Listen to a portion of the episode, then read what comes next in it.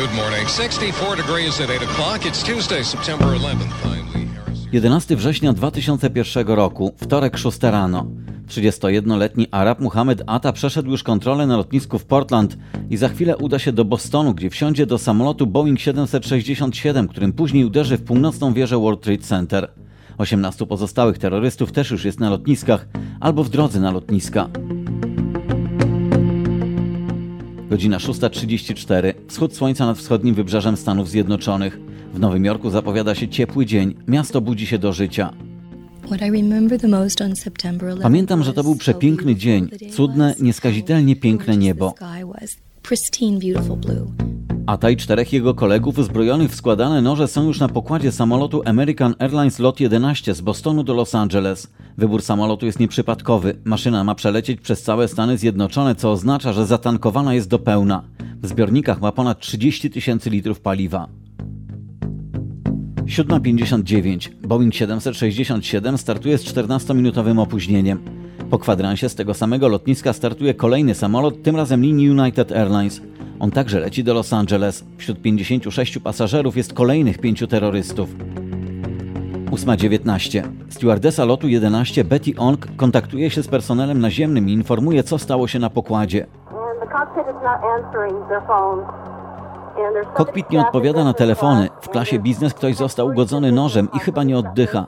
Myślę, że nas porwano. Drzwi do kokpitu nie da się otworzyć. Stewardesa opowiada o tym, że jej dwie koleżanki także zostały zasztyletowane. Na podstawie meldunku stewardess FBI dochodzi do wniosku, że doszło do porwania samolotu. Godzina 8.20. Z lotniska Dallas w Waszyngtonie startuje kolejny samolot z terrorystami. Jest to Boeing 757 linii American Airlines. Także leci do Los Angeles. 8.24. Mohamed Atta zwraca się do pasażerów samolotu, ale omyłkowo łączy się z wieżą kontroli lotów. Mamy samoloty, zachowajcie spokój, a wszystko będzie ok. Wracamy na lotnisko. Godzina 8.42. Czwarty i ostatni samolot z porywaczami startuje z lotniska Newark pod Nowym Jorkiem. Zarejestrowany jest jako lot 93 United Airlines. Ten samolot rozbije się później w Pensylwanii. 8.46. Z bazy sił powietrznych w Massachusetts podrywają się do lotu dwa myśliwce F-15, by zlokalizować samolot American Airlines Lot 11. Piloci nie mają już jednak szansy go odnaleźć. Porwana maszyna jest w Nowym Jorku, zniża lot i zmierza w kierunku północnej wieży World Trade Center. Profesor Piotr Chełkowski obserwuje zdarzenie z okna swego mieszkania na Manhattanie. Pani Leokadia Głogowska jest w środku budynku. O godzinie 8.46 usłyszałem kolosalny łomot silników samolotowych. Podbiegłem do okna i zobaczyłem samolot, który szalenie szybko leciał w kierunku północnej wieży. Ja miałam biurko przy samym oknie na 82 piętrze. Był przepiękny widok. Cisza była kompletna w biurze i nagle tę ciszę zakłócił niesamowity huk, połączony z takim syczeniem jakby jakiejś masy powietrza.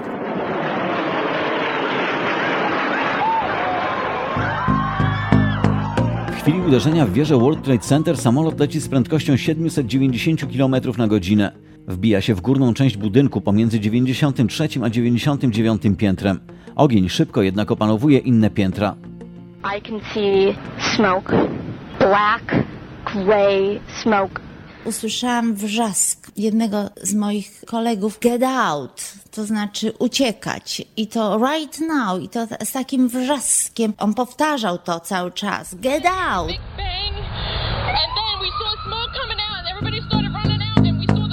Ci, którzy są na wyższych piętrach World Trade Center nie mają szans na przeżycie. Z powodu wysokiej temperatury nie ma mowy o ewakuacji za pomocą helikopterów. Wielu z uwięzionych w wieżach ludzi wyskoczy później przez okna. Trwa ewakuacja ludzi z niższych pięter. Niestety z powodu braku jednoznacznego wezwania do opuszczenia budynku, część ludzi zostanie w biurach, co skończy się ich śmiercią. Godzina 8.48. Na miejsce zamachów ruszają strażacy, policjanci i dziennikarze.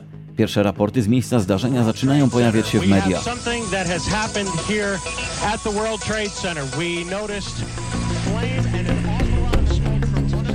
Godzina 8.50. O uderzeniu samolotu w północną wieżę zostaje poinformowany George Bush. Prezydent Stanów Zjednoczonych jest na spotkaniu z dziećmi w szkole podstawowej w Sarasocie na Florydzie. Bush nie przerywa wizyty, bo nie do końca wiadomo, co się stało. 8.55. Ludzie znajdujący się w południowej wieży World Trade Center dostają informację, że nie ma zagrożenia i powinni pozostać w budynku. 7 minut później, czyli o 9.02, zalecenie zostaje zmienione. Władze portowe Nowego Jorku wydają nakaz ewakuacji. Do uderzenia drugiego samolotu pozostaje już jednak tylko minuta. Godzina 9.03. Lecąc z prędkością 950 km na godzinę, samolot United Airlines LOT 175 uderza w południową wieżę World Trade Center pomiędzy 77 a 85 piętrem. Wzdłuż tej rzeki Hudson widzieliśmy drugi samolot leczący i tam zakręcił i uderzył w południową wieżę. The World Trade Center. Planes have crashed into both towers. 9.05. Prezydent George Bush bierze udział w lekcji w szkole na Florydzie. Gdy szef personelu Białego Domu Andy Cart mówi mu do ucha, że Ameryka została zaatakowana przez terrorystów, Bush przez kilka minut siedzi w milczeniu. Ta reakcja, a właściwie brak reakcji, będzie prześladować go przez lata. W niedawnym wywiadzie dla National Geographic Bush tak tłumaczył swoje zachowanie. Moją pierwszą reakcją była złość. Kto to do diabła zrobił? Ale potem skupiłem się na dzieciach. Wiedziałem, że moja reakcja będzie uważnie obserwowana. Nie chciałem wystraszyć dzieci. Chciałem zademonstrować spokój. 9.10. Nowojorska policja i straż pożarna mobilizują dodatkowe siły. Na miejsce ataków skierowanych zostaje 2000 policjantów i kilkuset strażaków. Obserwuje ich schodzący jako jeden z ostatnich schodami pierwszej wieży pan Jan Demczur. I tak patrzałem na nich, mówię, gdzie oni tam pomogą? Przecież strażacy to mieli to całe urządzenie na, na sobie, to waży gdzieś do 50 kg. Jak on przeszedł 30 pięter, to on już jakby wyszedł z wody. Taki mokry był. Ja mówię, po co on tam idzie, jak on już sam pomocy potrzebuje? I szli. Godzina 9.21. W Nowym Jorku zamknięte zostają tunele i mosty w kierunku Manhattanu. Przestrzeń powietrzną nad Nowym Jorkiem patrolują myśliwce F-15. 9.28. Terroryści przejmują kontrolę nad samolotem United Airlines LOT 93. 9.30. Prezydent George Bush wygłasza pierwsze krótkie oświadczenie. Dziś spotkała nas tragedia narodowa. Dwa samoloty uderzyły w World Trade Center. To jest prawdopodobnie atak terrorystyczny na nasz kraj. 9.35. Samolot American Airlines LOT 77 zmierza w kierunku Waszyngtonu. Secret Service nakazuje natychmiastową ewakuację wiceprezydenta Dicka Cheneya. Wiceprezydent i jego współpracownicy zmierzają do podziemnego bunkra. 9.37. Boeing 757 American Airlines uderza w Pentagon. 59 osób na pokładzie maszyny i 125 cywilnych i wojskowych pracowników resortu obrony USA zostaje zabitych. Ponad 100 osób jest rannych.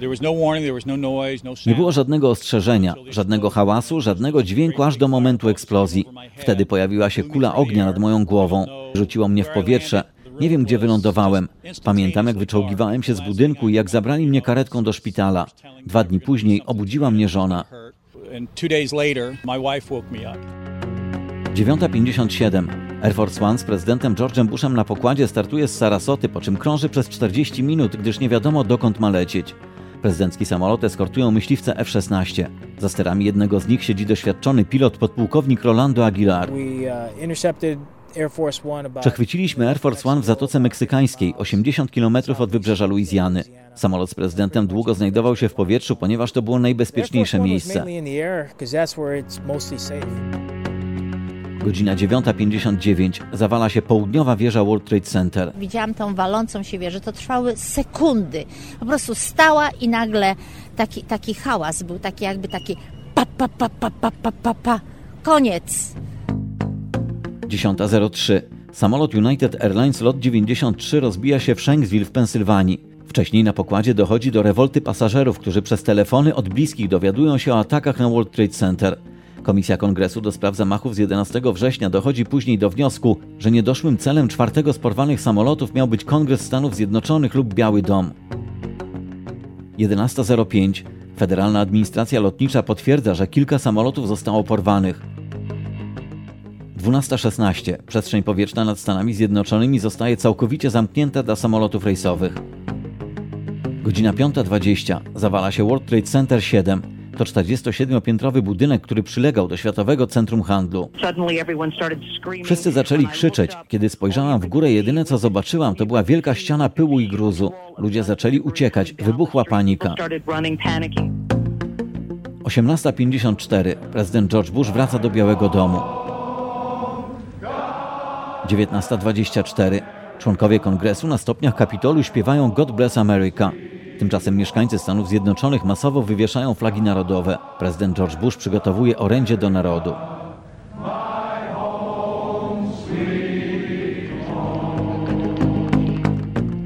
Dwudziesta trzydzieści. W telewizyjnym wystąpieniu prezydent Stanów Zjednoczonych wygłasza słowa, które później dadzą podstawy do zaatakowania Afganistanu i rozpoczną długotrwałą i kosztowną wojnę z terroryzmem. Trwają poszukiwania tych, którzy odpowiadają za te ataki. Nie będziemy wprowadzać rozróżnienia pomiędzy terrorystami a tymi, którzy dają im schronienie. Po przemówieniu prezydenta zbiera się Rada Bezpieczeństwa Narodowego Stanów Zjednoczonych. Szef CIA George Tenet mówi, że zamachy przeprowadziła Al-Kaida, której schronienie dają afgańscy talibowie. Prezydent George Bush mówi do swoich doradców: Powiedzcie talibom, że są skończeni. Przed pójściem do łóżka, tuż przed północą, prezydent George Bush pisze w swoim pamiętniku: To jest Pearl Harbor XXI wieku.